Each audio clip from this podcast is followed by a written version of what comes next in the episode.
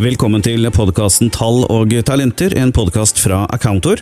Jeg heter Jørgen Bakken, og med meg så har jeg Jon Even Sørli, business manager for Accountor rekruttering og innleie. Dette er episode én av to om fem fallgruver ved rekruttering. Rekruttering det er både en vitenskap og en kunst, og det kan virke enkelt å ansette nye folk til bedriften. Vi skal eh, snakke om de fem fallgruvene, som er å gjøre en grundig jobbanalyse og definere forventningene til leveransen. Det handler om å ansette folk som ligner seg selv. Ansette folk som ligner på den som hadde jobben før. Sørge for at du får et mangfold, og dermed unngår diskriminering og feil i ansettelsesprosessen. Det skal da først eh, i dag handle om å gjøre en grundig jobbanalyse. Og eh, hva bør en jobbanalyse inneholde, Jon Even?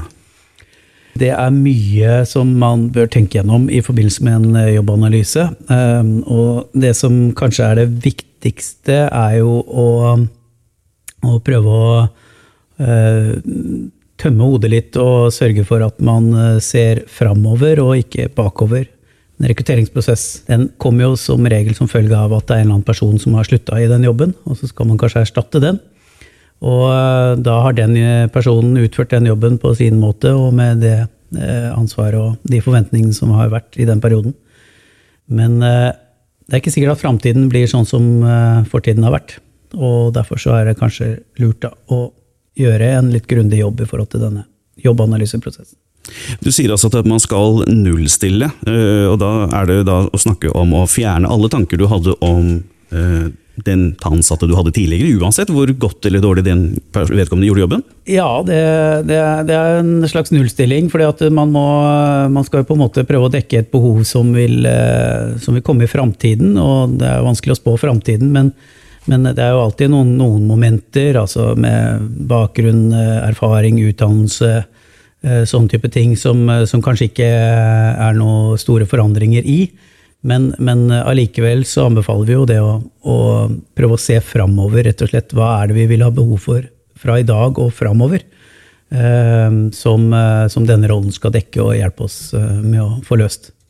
Når man da skal starte med denne jobbanalysen, hva er, hva er det første man rent konkret ser på da? Ja, nei, altså Det kan være greit å, å, å selvfølgelig gjøre seg opp en oppfatning da, om hva slags faglig erfaring som vedkommende som skal gjøre denne jobben, bør ha.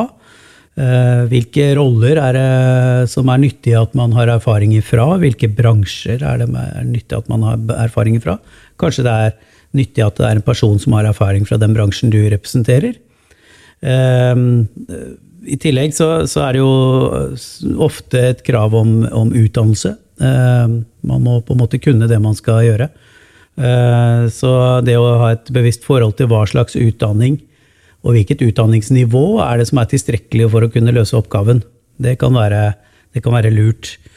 Eh, og så er det jo alltid sånn at man bør også kanskje ta en, en revidering av, av, hva er det denne rollen skal ha ansvaret for, altså hvilke arbeidsoppgaver og ansvarsområder er det som denne personen skal ha nå? For dette, det at man skal rekruttere nye mennesker, kan ofte også være en anledning til å tenke litt nytt på hvordan man har organisert virksomheten sin, hvordan man har organisert den avdelingen det er snakk om. Så kanskje man skal gjøre litt skifte av arbeidsoppgaver og ansvarsområder mellom, mellom eh, medarbeiderne. Kanskje man skal, skal gjøre noen, eh, noen justeringer der som kan være hensiktsmessige for behovet i framtiden. Du sa dette med, med utdanning. Er det sånn at erfaring kan erstatte en del av utdanningsforløpet? Dette kommer jo helt an på hva slags type rolle det er man skal rekruttere til. Men, eh, men i veldig mange roller så er det definitivt uh, aktuelt. Hva bør en jobbanalyse inneholde? Jeg tenker at uh, når man har definert dette her med erfaringskrav, med utdanningskrav, oppgaver, ansvarsområder som vedkommende skal gjøre, så bør vi også prøve å definere hva slags type menneske er det som skal passe, eller passe best til å gjøre den jobben. Og, og, og prøve å beskrive dette her med, med, med begreper som, som, man også gjerne kan måle på en litt sånn nøytral måte. Da. Og det finnes det faktisk muligheter for i dag, da, med, med metodikk som finnes på markedet. Det er jo her man ofte bruker alle disse flosklene rundt eh, strukturert og utadvendt og, og initiativrik og fremoverlent. Er jo ofte en sånn god, god variant av disse flosklene som, som, brukes for å beskrive personer man søker etter i en stillingsannonse. Eh, men man må på en måte ha en bevisst holdning bak hva er det du mener med disse, med disse begrepene, rett og slett. Og Derfor så, så, kan det være lurt å, å, å gjøre, gjøre, seg opp en liksom klar og tydelig mening, og gjerne også uh, ha en mulighet til å vurdere hvorvidt en person, eller person A, er mer strukturert enn person B. Uh, det er jo et veldig vanskelig spørsmål å svare på, hvis ikke man har noen objektive metoder for å kunne måle det på en eller annen måte. da. Hva slags metoder bruker man for å måle dette? Ja, det er jo her hvor dette med, med bruk av arbeidspsykologiske tester kommer inn. da. Evne- og ferdighetstester, eh, personlighetstester eh, og andre kartlegginger av, av, mennesker i den forbindelse.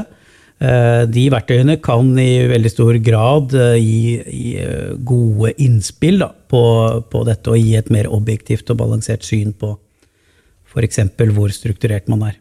Men igjen så, så, må vi liksom tilbake til hva er det denne jobben krever. Og hvis det her med struktur eksempelvis er en vesentlig del av å lykkes i denne jobben, eh, så, så er det viktig at det, det trekkes fram som en, eh, som en, viktig faktor. Da.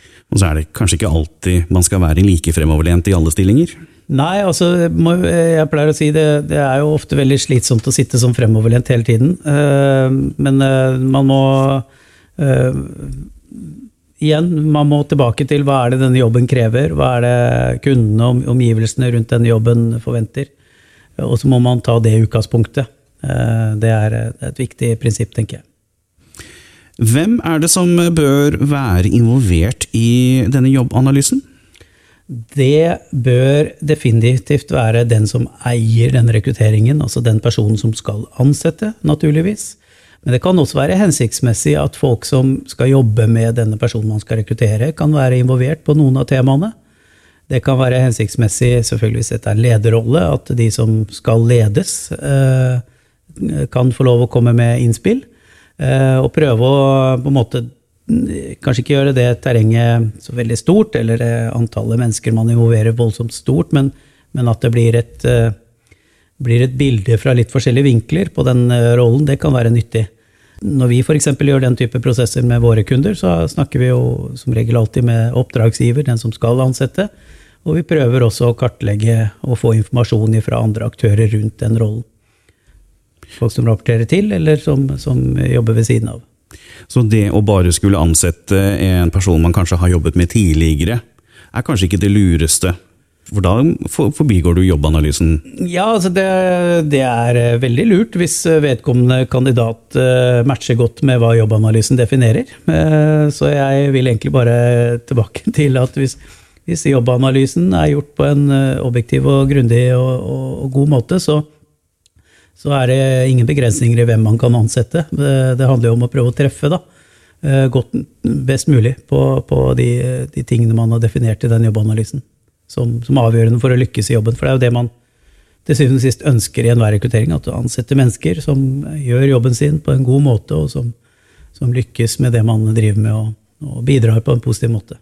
Hva slags eh, andre punkter tar dere med i ansettelsesprosessen? Ja, det er ganske mye vi, vi prøver å få oversikt over. Alt fra lønn og betingelser, forsikringsordninger og den type ting som, eh, som kandidater er opptatt av. Krav til språk, krav til IT kompetanse eller systemkompetanse og, og, og så videre. Og så er det, er det kanskje dette her med, med, hva slags motivasjon hos kandidaten er det vi ønsker å se. Eh, prøve å beskrive hvilke motivasjonsfaktorer kandidaten bør ha da, for å kunne være interessert i den jobben vi skal rekruttere til. Og det er ofte en viktig sak som kanskje glemmes litt, det der med, med å ha et bevisst forhold til hva slags motivasjon bør kandidaten ha. Hvilke grunnlag er det i den motivasjonen for at man skal like denne jobben? For det vet ofte oppdragsgiver en god del om.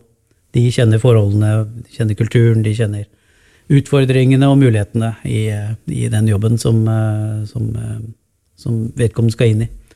Vil det da være en forskjell på om det de eh, vil ha en som vil være der i mange år fremover, eller om de da kanskje har lyst på en person som eh, vil være der et års tid for å lære faget og så gå videre, sånn at de selv kan lære av det? Ja, og de fleste som ansetter vil jo, vil jo gjerne ha sine medarbeidere om bord et godt stykke tid.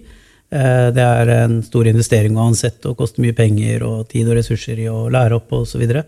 Så Så at det er et visst tidsperspektiv er viktig, men det er vel så viktig hva er det Eh, hva slags eh, triggerpunkter da, hos kandidaten er det som gjør at, eh, at kandidaten syns akkurat din jobb eller denne jobben er interessant, og prøve å, å, å definere det også for seg selv. For noen virksomheter er, eller alle virksomheter er i forskjellige faser da, i sin utvikling.